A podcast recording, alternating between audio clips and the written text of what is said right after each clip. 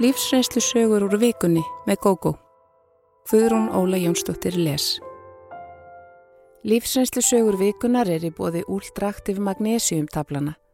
Með úldraktiv magnésiumtöflunum færðu meira út úr deginum, aukna orku, minni vöðvaþreitu og betri svefn. Úldraktiv magnésiumtöflunar fást í öllum helstu apotekum landsins. Hver á að taka af skarið?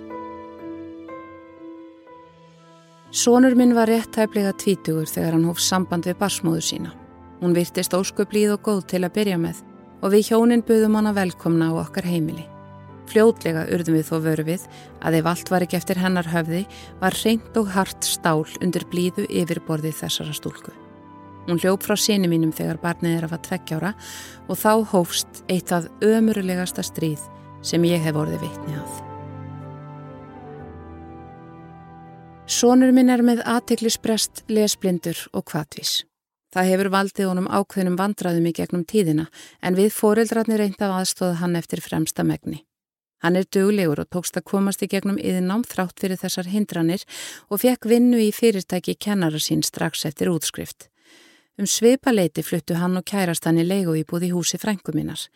Kærastan vildi að þau stopnuðu fjölskyldu og eignuðust batt strax en hann var ekki tilbúin til þess. Hann vildi býða þar til þau hefðu komið sér upp eigin húsnæði en það taldi hún til marksum að hann elskaði sig ekki.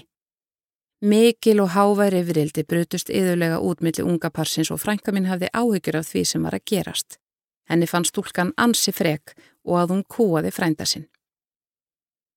Til að byrja með gekk nokkuð vel hjá þeim. Þessi stúlka, kærasta sonar míns, var fjórum árum eldri en hann, lærði í ákveðinu fæi og hafði fengið ágæta vinnu í sinni grein.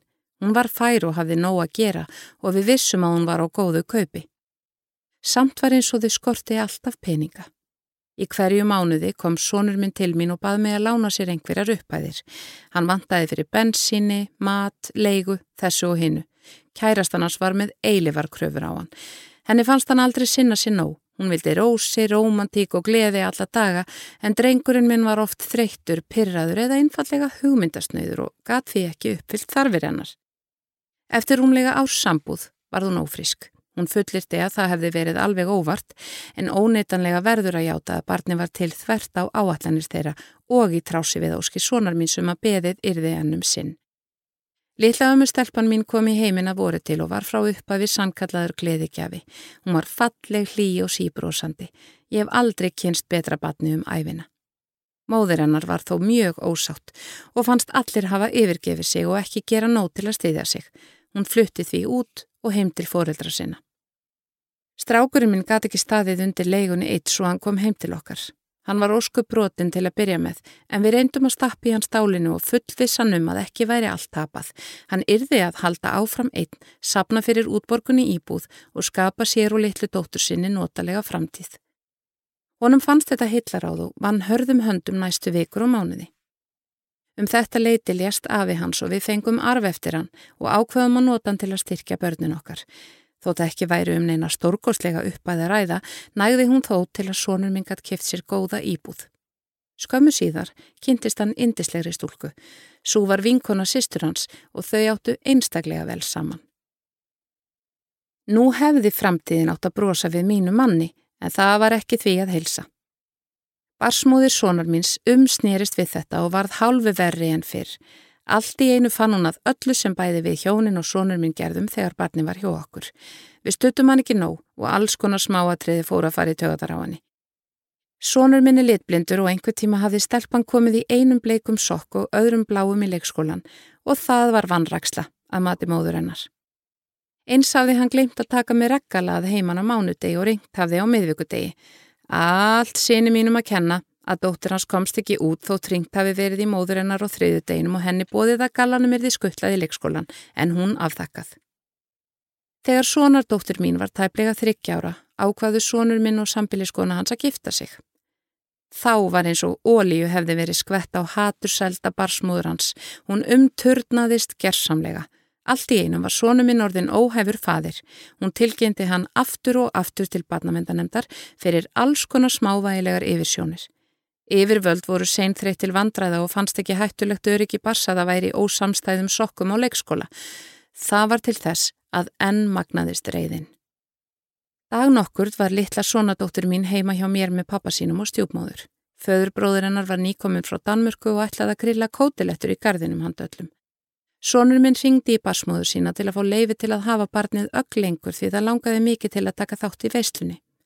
Sími ringdi út, ekki einu sinni, heldur þrísvar. Við ákvaðum að halda okkar striki og gera ráð fyrir að svo litla fengi að vera með okkur.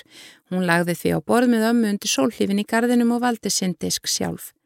Klukkan sex mætti mamminar að sækjana. Ég tók á mótinu og útskiði hvað varum að vera og baðum að batni fengi að borða með okkur. Við myndum keirana heima visslunni lókinni. Ég hef aldrei orði vitni að öðru eins og gerðist eftir það.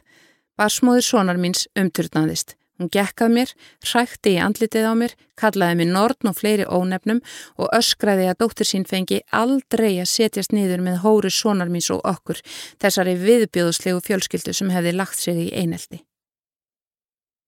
Mér fjall allur ketill í eld og varð gerðsamlega meður mín. Ég kallaði á barnið og baða að fara með móðu sinni. Stúlkan þverja neytaði en það vild hún vera með okkur í veislunni. Hún hljópin í húsi, faldi sig og leti ekki ná í sig. Við reyndum að hafa upp á henn og byggja henn að koma en hún hlýtt ekki. Það var til þess að barsmóðir sonar mís reðast á mig og barði mig. Hún ringdi líka á laurugluna sem kom en fór fljótt aftur eftir að við höfðum útskilt málið. Barsmóðir sonar mís fóru með deilur þeirra til síslumanns. Þar fór málið í sáttameðferð. Fyrsti sálfræðingurinn var Karlmaður og sárindi að tala við stúlkuna á leiðinu fyrir sjónir að það sem hún gerði væri tæpast barninu fyrir bestu. Þá krafðist hún þessa skiptir um sálfræðing og við tók kona sem ekki gerði neitt nema illt verra. Fundinir hjá henni snýrust um að barsmóðir sonar mín smætti með lista yfir áverðingar hans og galla og læsi upp. Að þeimlegstri loknum var hann spurður hvort hann vildi segja eitthvað en hann langaði lítið til að tjá sig enda aðeins nokkrar mínútur eftir af tímanum. Í tæpa nýju mánuði gekk þetta svona fund eftir fund eða þar til hann stóð upp á fundi og sagði ég er búin að fá nóg, Ég get ekki staðið í þessu lengur. Ef ég er svona vondur fadir þá afsala ég mér öllum umgengnisrétti og hún getur alibatnið upp einn. Sálfræðingurinn rak þá stúlkuna á dyr og sæðist vilja tala við sonminn. Hann byrjaði á að þvæla eitthvað um að þau ættu þetta batt saman og yrðu að láta sér linda hvort við annað. Sónur minn svaraði og saði að hann hefði mótt hlusta á skýslur um hversu ómögulegur hann væri og sálfræðingurinn aldrei sagt orð. Hann teldi að ef hann væri óhæfur um að sinna barni sínu væri núna góður tími til að sína fram á það. Ef halda eitt áfram þessu ruggli, kísi hann að afsala sér umgengnisrétti við dóttur sína. Sálfræðingin setti hljóðan en sónur minn stormaði út. Þegar hann kom fram á gangin, satt barsmóðir hansar grenjandi. Hún öskraði á hann. Þú ert alltaf að tala illu mig. Síslumann sem bættið úrskurðaði í málum þeirra eftir þetta og sónu minn hefur fullan umgengnisrétt en hvort hann er virtur fyrir eftir dindum barsmóður hans. Ég spyr þess vegna, hver á að taka af skarið og segja svona fórildrum að freka þeirra gangi fram úr hófi og þeir verði einfallega að sætta sig við að þeir stjórni ekki lífi hins fórildri sinns. Ekki gera fulltrúar hins ofinbera það, þótt þeir eigi að meðla málum. Konan sem sveik Sippa frænda Frá því ég var 12 ára var fjölskylda mín upptekinn af því að passa upp og Sippa frænda. Hann bjó einn og tók drikkjutúra af og til. Mamma og sýstur hennar sýstu höfuðið og kvísluðu hverað annari þegar það gerðist og svo fór einhver þeirra heim í kjallara íbúðina til Sippa, dreif hann og fætur, þreif og gaf hann um að borða. Sippi hafði nefnilega orðið fyrir alvarlegri ástarsorg og byrjaði að drekka upp úr því. Mamma og sískinni hennar ólust upp á bóndabæi út á landi. Sippi var langi yngstur þeirra sískinana og ég býst við að hann hafði alltaf verið svo litið degraður. Þau eldri urða bjarga sér að mestu sjálf upp úr fermingu en þegar Sippi stálpaðist voru allir floknir úr heðrinu og afi og amma höfðu meira handa á milli. Þau brúðu búi upp úr miðjumaldri og keftu sér íbúði Reykjavík meðal annars til þess að yngsti sonurinn geti sót framhaldsskóla og lókist útinsprófi sem hann gerði. Á yngri árum reyndan sig við ímislegt en eiriði ekki við neitt. Hann var búinn að prófa þrjár deildri háskólanum þegar hann reyði sig á millilandaskip og hófa sigla til Evrópu. Í nokkur ár var hann uppóhaldsfrændi allra þegar hann mætti á nokkura mánuða fresti með salgeti og gafir í heimsókn. Þegar þannig stóð á var Sippi alltaf gladur og kátur, faðmaði mömmu og hún skellti í vöflur. Hann kefti sér litla kjallara íbúð en var þar sjálfnast, svo mamma og sýstur hennar tóku að sér að faraðangað og þrýfa þegar von var á honum heim. Afi var dáin um þetta leiti en amma lifði enni hári alli í íbúðinni þeirra. Gamla konan dói dimman vordag og svo vildi til að Sippi kom í land tveimur dögum setna. Öll sískininn settust saman til að skipuleggja jarðarförina og rifi upp gamlar minningar. Amma var mikill miðpunktur tilverunar hjá þeim öllum og þau voru miður sín en smá sólskinskeisli í tilveruna var að Sippi var trúlufaður. Hann hafi kynst konu í Þýskalandi og þau verið í sambandi um skeið. Hann var hjá henni í fríum og þegar hann kom í landi Hafnarborginni, þar sem hún bjó. Tilstóða Sippi seldi allt sitt hér og flytti út um leið og skiptum væri lokið á dánarbúinu. Mér fannst ég finna ákveðin létti hjá öllum sískinu mömmu og loks hefði Sippi fest ráðsitt og fundið einhverja festu í lífinu. Okkur fannst reyndar Þískaland rosalega langt í burtu en það var þetta fyrir tæpum 40 árum og ekki alveg jafn auðvelt að ferðast og nú. En Ástinn spyr ekki að því og öll fjölskyldan fylgdi Sippa til skips þegar hann hjælt á vit síns nýja lífs. Svo liðu árin. Við heyrðum af og til í þessum frænda okkar í útlöndum en hann var hættur að sigla og fara hann að vinna úti í Þískalandi. Ég vissi því mjög lítið af honum og var eiginlega búin að gleima honum þegar hann byrtist eldsnemma morguns á eldurskólfinu heima, heldur illa til reyka. Hann var auglúslega þunnur, skítugur og með skekkbrota. Mamma rak mig af stað í skólan en ég verða játa að ég gæt lítið einbeitt mér þann daginn. Forvitnin var svo mikil. Þegar skólalauk var allt með kyrrum kjörum nema Sippi svaf í sófanum í stofunni og rauthátt. Um kvöldið var svo fjölskyldufundur. Sippi var meður sín og lísti því hvernig þíska konan hafði umsnúist þegar hann kom út og fór að búa með henni. Kröfunar voru miklar og hann hafði barist við að uppfylla þær og unnið eins og skeppna við skóarhögg, í skipasmíðarstöðum, á krá og reynar hvar sem hann hafði geta fengið vinnu. Aldrei var neitt nóg og hann oft verið við að brotna undan álæginu. Fyrir rúmu mánuði hafði hún svo fleikt honum á dyr, slipum og snöðum. Allar eignir þeirra voru í hennar nafni og hann hafði verið á götunni í borginni með fötinn sín í póka þar til fyrir tilviljun að hann rakst á íslenskan sjóman. Sá rettaði honum plássu um borði fraktara og þannig komst Sippi heim. Fjölskyldan var öll miður sín yfir þessum raunum sem yngsti bróðirinn hafði ratað í og maður gekk undir manns hönda bjarga. Elsti bróðir mömmu hafði keft íbúðina af Sippa á sínum tíma svo hann þyrstu nú ekki að dvelja oflengi hér heima þegar hamingjan beði í Þískalandi. Hann átt hana enn og legði út. Að samkominlagi varð að leijandanum erði sagt upp og Sippi flytti þangað. Máur mömmu gæti rettað honum vinnu á bensinstöð. Allir voru sammálum að þetta væri bara byrjunin. Sippi yrði að nota þetta tækifæri til að byrja upp á nýtt, læri eitthvað nýtsamlegt og þegar hann væri búin að koma undir sér fótunum, kaupa íbúð og finna haminguna. Elsti bróðir mömmu bauðst einnig til að finna út hvernig væri með lögin í Þískalandi, hvort Sippi ætti ekki rétt á einhverju af eigum sínum þar. Sippi aftók það hins vegar með öllu, sagði að konan væri versta flagð og hann geti ekki hugsað sér að slást við hana um reytur þeirra sem okkur skildist þó að væri umtalsverðar og verðmiklar því Sippi hafði unnið hörðum höndum. Hann saðist bara vilja byrja alveg á núli, það væri best úr því sem komið var og svo byrjaði hinn nýja líf. Fljótlega komi ljós að Sippi myndi ekki fara í skóla. Hann mætti þokkalega á bensinstöðuna þar sem hann vann en datt svo í það og varð á frá í viku til tíu daga. Hann hjælt vinnunni vegna þess að máur mömmu hafði sambund og hann var ágættur starfskraftur þegar hann var á staðinum. Drikkjutúrarnir voru þrýr til fjórir á ári og mamma alltaf jafn miður sín þegar hún fretti af sipa á fyllir í. Fyrstu árin eftir að hann kom heim fór hann í bæin til að drekka og var þá af og til hyrtur af lauruglu fyrir slagsmálið að einhvern óskunda.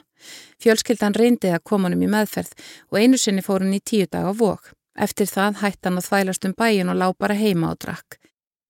Þannig var ástætt á fermingadaginn minn og mamma fór beint búr veislinni til að hjálpa sístrum sínum að þrýfa sippa og gefa hann að borða í þeirri von að hann drifi sér nú upp og færi í vinnuna daginn eftir. Þannig liðu svo næstu ár. Ég varð fullorðin og hóf háskólanám.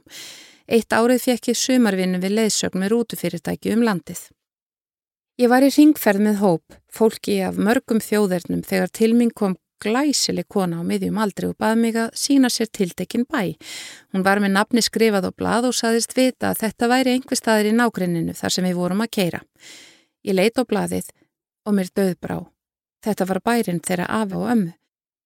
Ég let þó ekki á neinu bera til að byrja með en benti konunni á bæin þar sem ennir ekki blómlegt bú og beð svo færis að spyrja hana af hverju hún hefði áhuga á að sjá þennan tildekna bæ. Við komum á hóteli rétt fyrir kvöldmatt og þegar búið var að borða, settist fólki í setustofu og hótelinu var að spjalla. Þessi kona satt ofur lítið til hliðar og ég kom mér fyrir hjá henni og hófa spyrjana spjörunum úr. Í ljós kom hún var þísk. Frá Hafnarborginni þar sem Sippi hafði verið, hafði búið með Íslandingi á sínum yngri árum og heitlast af sögum hans af þessu magnaða landi. Hann hefði verið góður maður en mjög drikkveldur svo hún hefði að lókum séð sig tilneita til að skilja við hann. Hún hafði alltaf ætlað sér að faringað og fyrst hún var hér langaði hann að sjá bæin sem hann hafði sagt henni frá. Hún sagðist ekki hafa orðið fyrir vonbreyðum.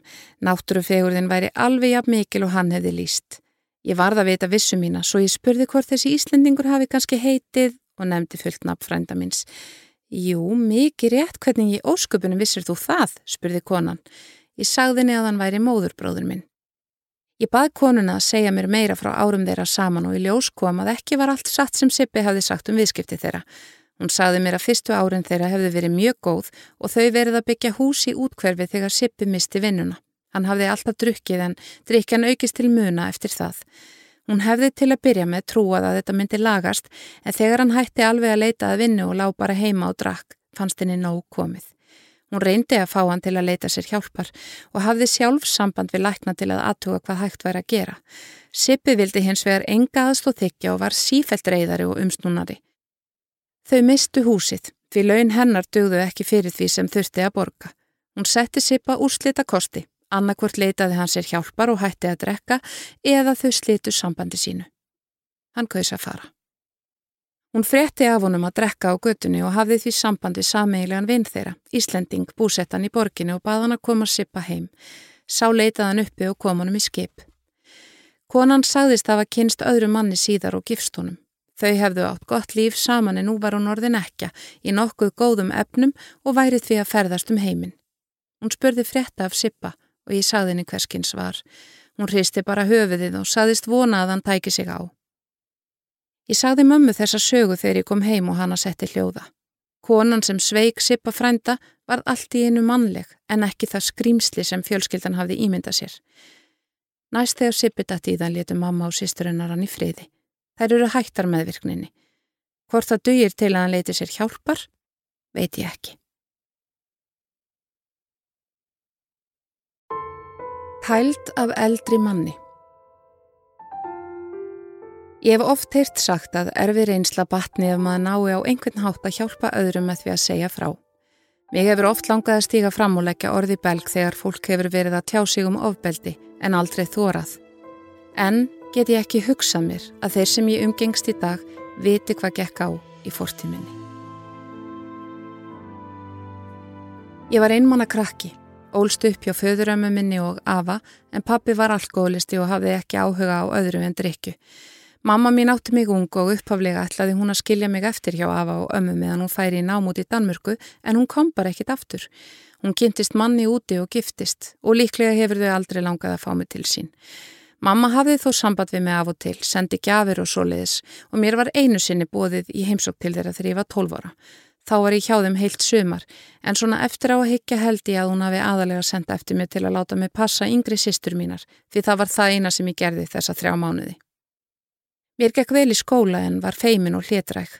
Hinnir krakkarnir funduð þetta og strítu mér mikill. Ég gæti aldrei sagt neitt og reyndi bara að láta lítið fyrir mig fara í ég vona að sleppa. Sjálfnast hafði það samt nokkuð að segja. 15 ára fekk ég vinnu í verksmiði og ætlaði að sapna mér peningum til að fara aftur í heimsók til mömmu. Þar var maður sem líklega hefur verið kominhátt á færtusaldur þegar þetta var. Hann síndi mér mikla aðtegli, saði mér að ég væri falleg og velvaksinn. Engin hafði nokkru sinni sagt neitt slikt við mig fyrir og ég var mjög upp með mér. Hann gaf sig mjög að mér, talaði oft við mig meðan á vinnunni stóð og bauð mér nokkrum sinnu með sér í mat á veitingastæði nágrenninu. Ég var óskaplega upp með mér og smátt og smátt tókst honum að draga mig út úr skelinni. Ég opnaði mig og sagði honum frá draumum mínum og í fyrsta sinn fór ég að móta einhvers konar framtíð í huga mínum. Hann sagði mér að ég hefði skipulagsgáfu og ég ætti að nýta hann einhvern veginn í námi. Einhver tíma var ég að rissa eitthvað á blað og kaffistofinni og þá bent hann mér á að ég geti teiknað. Hann sagðist halda að ég er í góður arkitekt eða verkfræðingur. Þetta voru starfseiti svo langt um fítni en okkur þar sem ég hafði einhver tíma dóttið í huga ég geti stemtað og ég sveif um á bleiku skíi þar sem eftir var dagsins. Þarna var ég sannferðum að ég væri ástfangin af þessu manni og alveg vissum að hann endurgildi tilfinningar mínar. Við höfðum mög í fyrsta skipti í bílnum hans. Mér fannst það óþægilegt og ógeðslegt en fannst sjálfsagt að gera þetta fyrir hann. Eftir það leitaði hann á mig nánast hvar sem er og ég gerði eins og vélmenni allt sem hann baði mig um. Ég get ekki ímynda mér að hann hafi nokkru sinni haldið að ég niti þess að vera með honum því ég var gerðsamlega frosinn og beð bara eftir að þessu líki. Hann kendi mér að gera við hann það sem hann vildi og fyrir mér var þetta bara eins og leiðinleg vinna en þegar hann strauk mér og kisti í lokin og saði að ég væri falleg fannst mér það hafa verið þess virði að innan af hendi. Um haustið fekk ég mikið áfallegar ég uppgötvaði að ég var ófrísk. Mér hafði ekki dottið í hug að það geti gerst. Þótt ég vissi hvernig börnin eruðu til og að fólk þyrsti að nota getnaðarvarnir hafði ég bara aldrei leitt hugan að þessu. Ég vissi að það notaði stundum smokk en fyrir mér var það hans mál og ekkert af þessu á mína ábyrð. Hann var alveg brjálaður þegar ég sá hann frá þessu og heimtaði að ég færi fóstureyðingu. Mér fannst það allt í lægi eins og allt annað sem hann fór fram á og pantaði tíma hjá félagsákjafa. Aðgerðin var gerð og mikið léttir þegar hún var búin. Áfalli kom eftir á þegar hann vildi ekki lengur. Hann saði mér þá að hann væri giftur og þau hjónin hefði verið að ganga í gegnum erfitt tímabil. Nú væri það hins vegar að lagast og hann ætlaði að reyna að bæta samband sitt við konuna. Hann ætti með henni tvö börn og yrði að gera það þeirra vegna. Ég brotnaði algjörlega niður. Ég hafði ekki hugmynd um að hann væri giftur. Hjælt að svona gerðu menn ekki, væri þeir í sambandi og ég hafði aldrei spurt neitt um hans hægi. Öll hans aðtigli var bara svo spennandi að ég veldi ekkert fyrir mig hvernig líf hans væri fyrir utan vinnuna og okkar samverustundir. Þegar við vorum saman til að byrja með snýrust umræðunar mestu um mig en eftir að við stunduðum kynlífið fyrsta sinn voru fundir okkar stuttir og eiginlega bara sá tími sem það tók hann að fá það. Örvendingin var algjör. Mér fannst ég aldrei hafa verið eins einmanna. Nú hafði ég kynst í hvernig það var að eiga samskipti við aðra mannesku, geta sagt einhverjum frá því sem ég var að hugsa og njóta umhyggju. Ég held að ég hafi einfallega bílast svo litið á þessum tíma vegna þess að ég fór að ringja hann, eldan og stóðstundum tímunum saman fyrir utan heimili hans. Auðvitað tók konarnas eftir þessu. Oft svaraði hún í síman þegar ég syngdi og þá greti ég bara. Ég veit að þetta hefur verið ömulegt fyrir hana og í dag sé ég svo litið eftir því að hún hafi þurft að þóla þetta. Hann kom aftur og aftur út og skipaði mér í burtu, hund skammaði mig og saði mér að láta þau í friði. Eins og þegar ég var batn í skólanum gæti ég engur svarað, stóð bara eins og dæmt og gerði ekkert.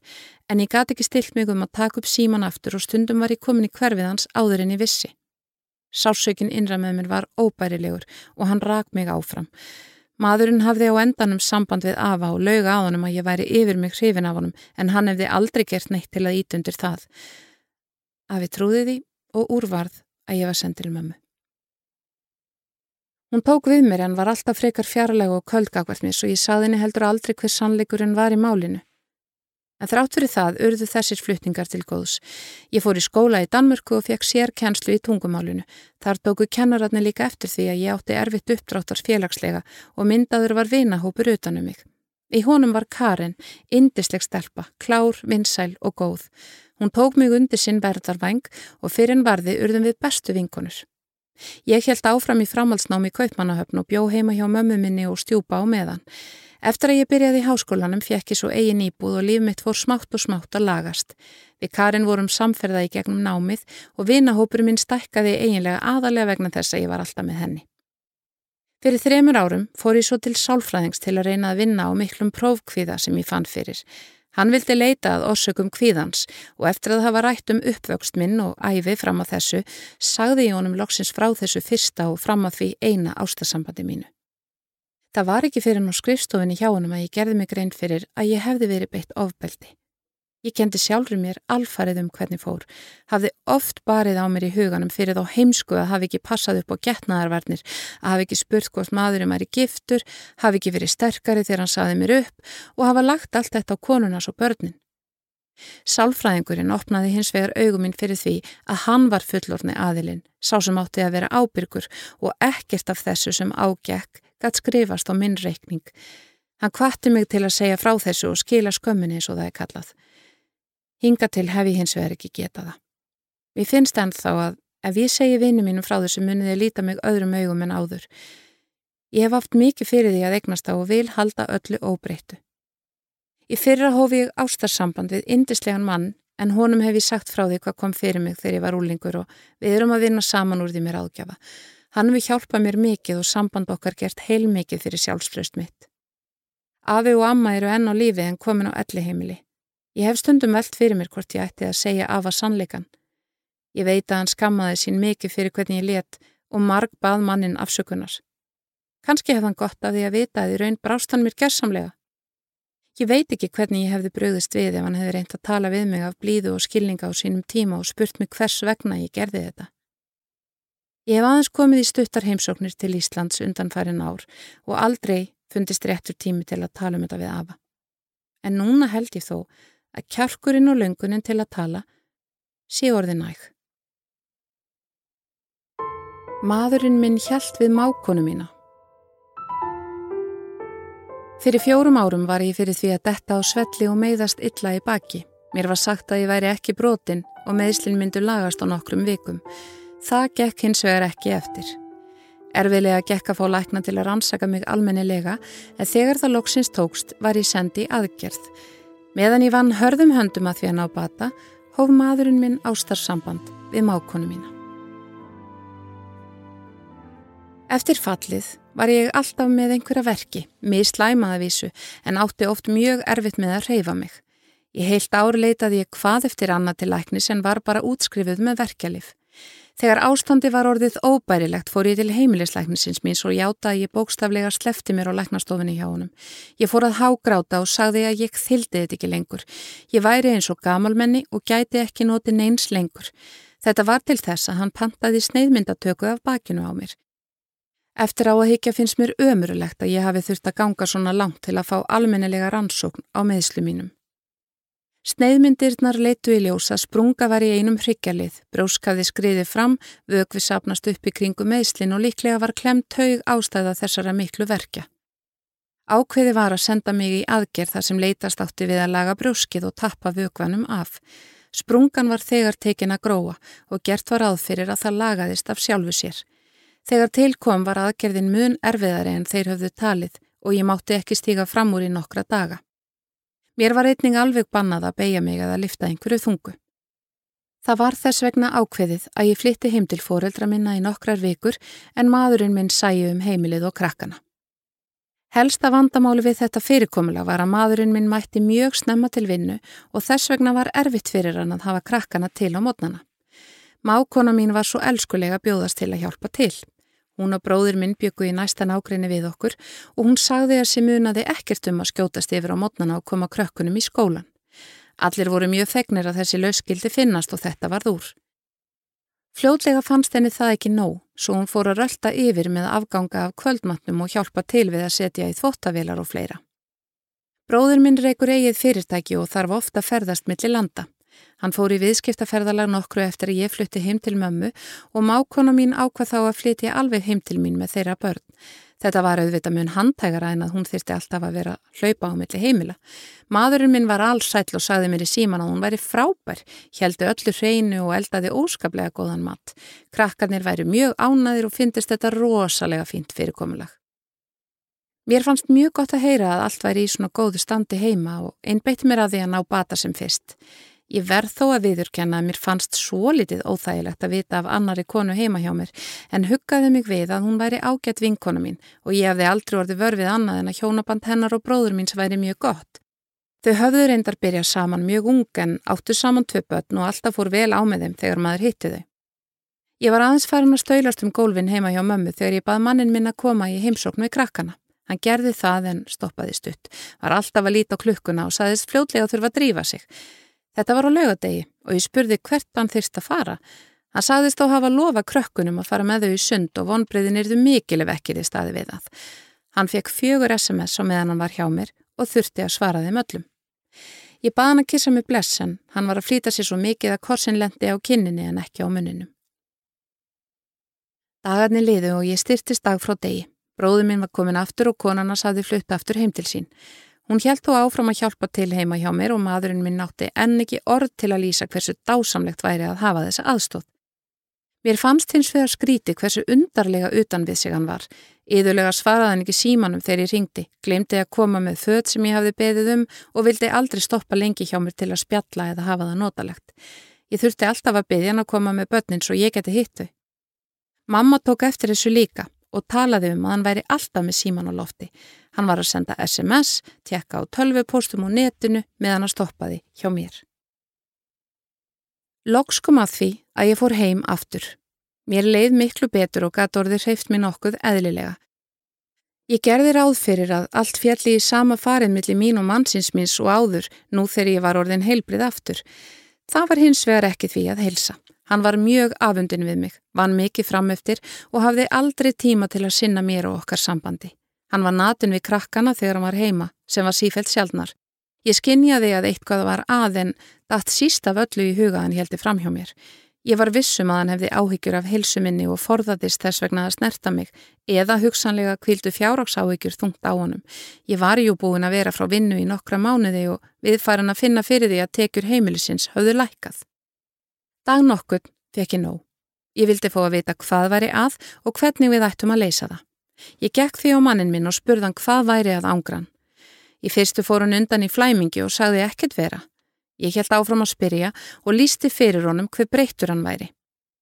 Meðan á samtalinu stóð, laust hins vegar allt í hennu ofan í huga minn þeirri hugsun að hann væri að halda fram hjá mér. Það var eitthvað við það hvernig hann var sem saði mér að þannig væri þessu farið. Ég spurði hann beint út en hann eitaði. Ég sáða hins vegar á svipnum að þetta var rétt svo ég gekk á hann. Hann reytist, rauk á fætur, gekk út og skellti á eftir sér. Hann kom ekki heim þessa nótt. Ég svaf ekki neitt. Gekk bara um gólf og vissi ekki mitt rjúkandi ráð. Loks erði ég ekki lengur þarna heima, vakti börnin og ákvaða að keira heim til fóreldra minna.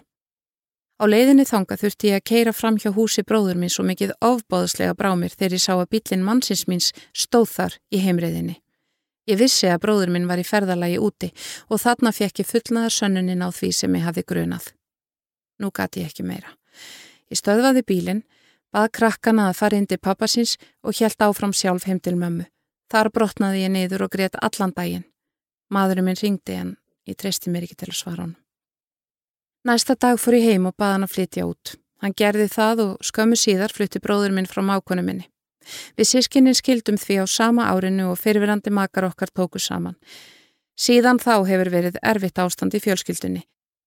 Bróður minn er reyndar tekinn saman við aðra konu en ég bý enn ein með börnunum mínum. Mamma og pappi voru mjög ásátt við hvernig hlutinir fóru og andrumsloftið er mjög þvingað í fjölskyldubóðum þar sem fyrfirandi makar okkar þurfað að mæta batnana vegna. Ég hef reynd eftir bestu getu að láta ekki reyðina og beiskunan á tökum á mér en get ekki varist þeirri hugsun að mákonan hafi ætlað sér þetta frá upphafi. Þegar ég hugsa tilbaka var hún langt frá því að vera greiðasum áður en að þessum veikindu mínum kom. Ég var bara ofveik á sínum tíma til að standa á mótið þessu eða geta velt fyrir mig hvort eitthvað annað byggja baki. Ég var bara svo fegin að eiga loks bata og að börnin mín fengju góða ummunum meðan ég væri ófærum að hugsa um þau sjálf. Þótt ég sé svegt út í hana er ég enn reyðari við hann. Mér finnst ótrúlega umt að Karlmaður þól ekki nokkur að mánaða veikindi konu sinnar án þess að þurfa að leita annað. Ekki hef ég verið hátt skrifið í hans augum fyrst svo var. Auðvitað veit ég að ég er betur komin án mann sem ekki þólir ofurlítinn súrleika með því sæta en ég finn fyrir mikilli höfnun og finnst ég hafa verið niðurlægð. Að það hafi verið svona auðvelt að skipta mér út er bókstaflega ömurleg óvirðing. Engu tíma get ég ábyggilega litið þetta öðrum augum en enn er ég að vinni að komast ángað.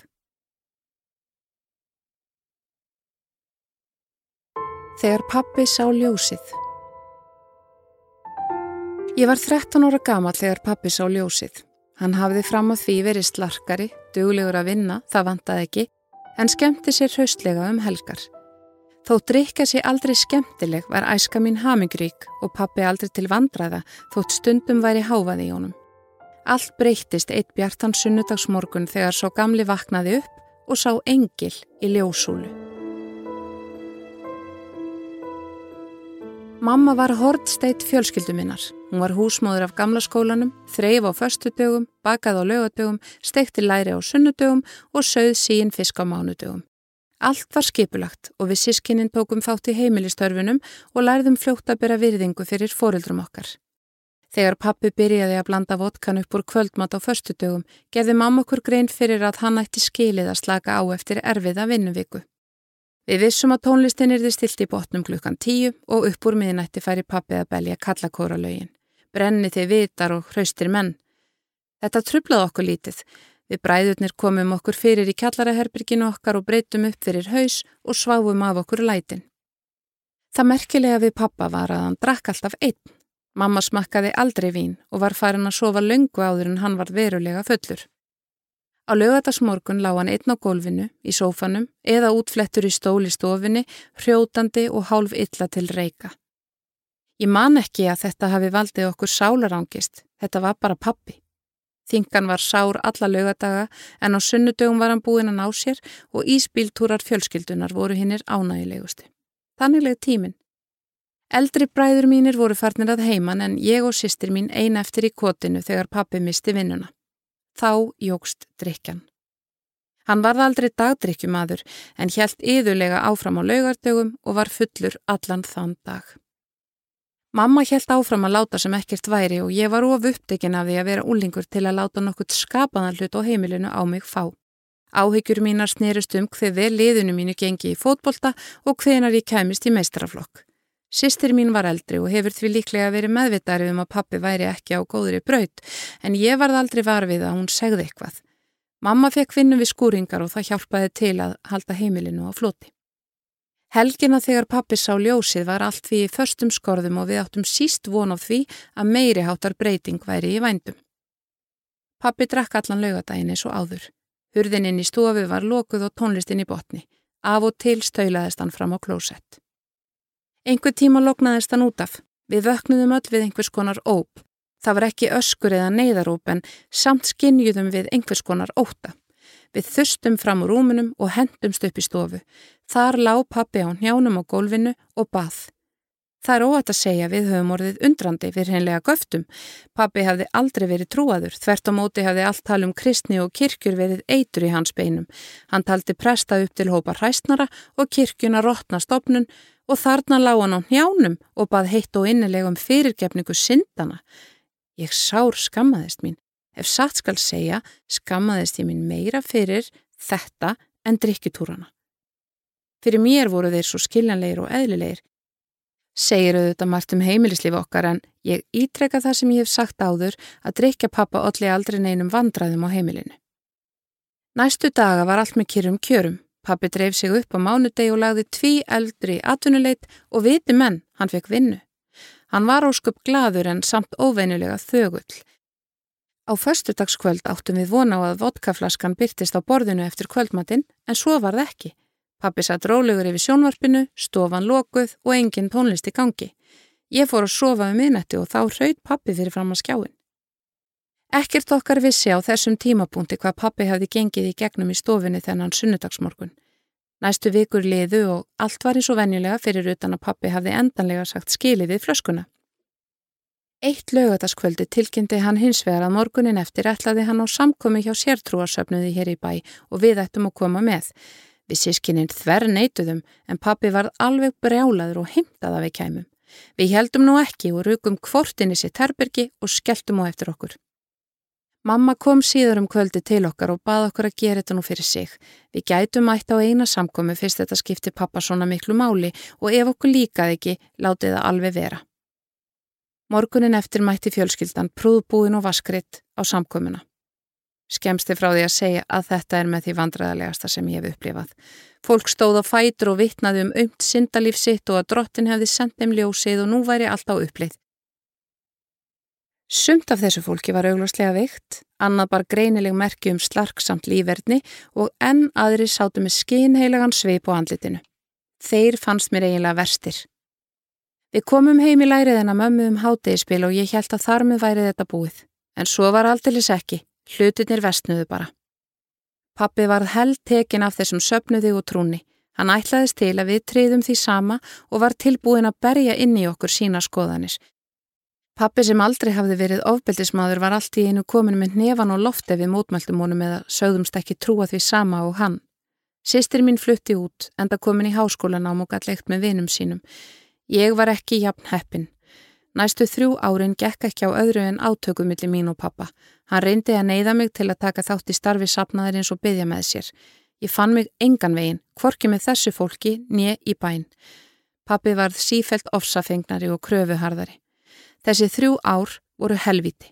Hann sló mig margóft utanundir, hendi mér í gólfið, flegði mér þrísvar og dyr og skipaði mér að koma aldrei aftur heim og margt fleira. Mamma gekk á milli og reyndi allt hvað hún gata að tala við hann og halda friðin. Allt kom fyrir ekki. Ég var á átjónda ári þegar ég flutti heim til bróður míns. Hann vissi hvernig ástandi var heima og bauð mér að búa hjá sér. Það var mikið léttir en við höfðum öll miklar áhyggjur af mömmu. Pappi var farin að byggja reglulega, lesa í biblíunu á hverjum degi, breyta mataræði og margt fleira sem hann taldi að samræmdist trúni. Hann var hatramur á móti þjóðkirkjunni og mætti ekki í skýrð bróðursonar míns vegna þess að hún var í kirkju. Hann mætti heldur ekki í veislur þar sem vín var veitt, tók ekki þátt í dansi og fleiri tegundum skemtana því slíkt væri frá djöflinum sprottið. Á endanum gafst mamma upp og fór frá honum. Eftir skilnaðin reyndu við til að byrja með að halda sambandi við pappa en smátt og smátt gáumst við öll upp. Árin liðu og við sískinnin lukum námi, komum okkur vel fyrir í lífinu og eignuðumst fjölskyldu. Það var það vana að pappi væri ekki með. Eldri bræður mínir höfði reyndar eitthvert samband við hann en ég og sýsti mín ekkert. Dageitt frétt ég svo að pappi væri orðin veikur. Hann var komin með krabba minn og slíkt verður til þess að maður reynir að byggja brýr. Ég heimsóti hann á sjúkrahús og eftir það fór ég að koma reglulega heim til hans. Í fyrstu bara einn, því ég taldi mig ekki geta bóði konu minni og börnum upp á pappa eins og hann var orðin þegar ég sleitt sambandi við hann. En hann hafði töluvert róastótt en væri hann mjög trúaður og bókstaflegur í sínu. Í einni heimsókninni spurði ég hann að því hvað hefði gerst þennan sunnudagsmorgun þegar við fundum hann á njánum í stofunni. Hann saði mér að hann hefði vaknað upp við undarlegt ljóð. Fyrir eirum hans ljómaði einhvers konar söngur. Samt hafið það ekki líkst neittinn tónlist sem hann hafið hýrt áður en honum hafið fundist það undur fagurt. Þegar hann opnaði augun, sá hann ljóstólpa fyrir ofan sig og inn í honum yðaði einhvers konar vera. Pabbi var vissum að það hafið verið engill. Hann horfi á þetta að honum fannst í dágóða stund en svo leistist þetta upp og kvarf. Meðan þetta varði leið honum óskaplega vel innra með sér en um leiðum það fór heldist yfir hann þinga og vanlíðan. Honum var ofbóðslega óglatt og hausin að springa. Þá gaf hann frá sér þetta óp sem við heyrðum, lagðist á hnén og byrjaði að byggja um hjálp. Meðan á bæninni stóð fór honum smátt og smátt að líða betur og þegar hann reys upp var hann breyttur maður. Mér fannst þetta merkileg saga, þótt mér líkaði ekki það sem fyldi í kjölfarið. Hvort pappi hafi þarna orði fyrir vitrun eða ofskinnun er hvers og eins að dæma fyrir sig. Þú varst að hlusta á lífsreynslusögur úr vikunni með GóGó í lestri Guðrúnar Óli Jónsdóttur og framleiðslu Storysight árið 2020. Höfundaréttur Vikan.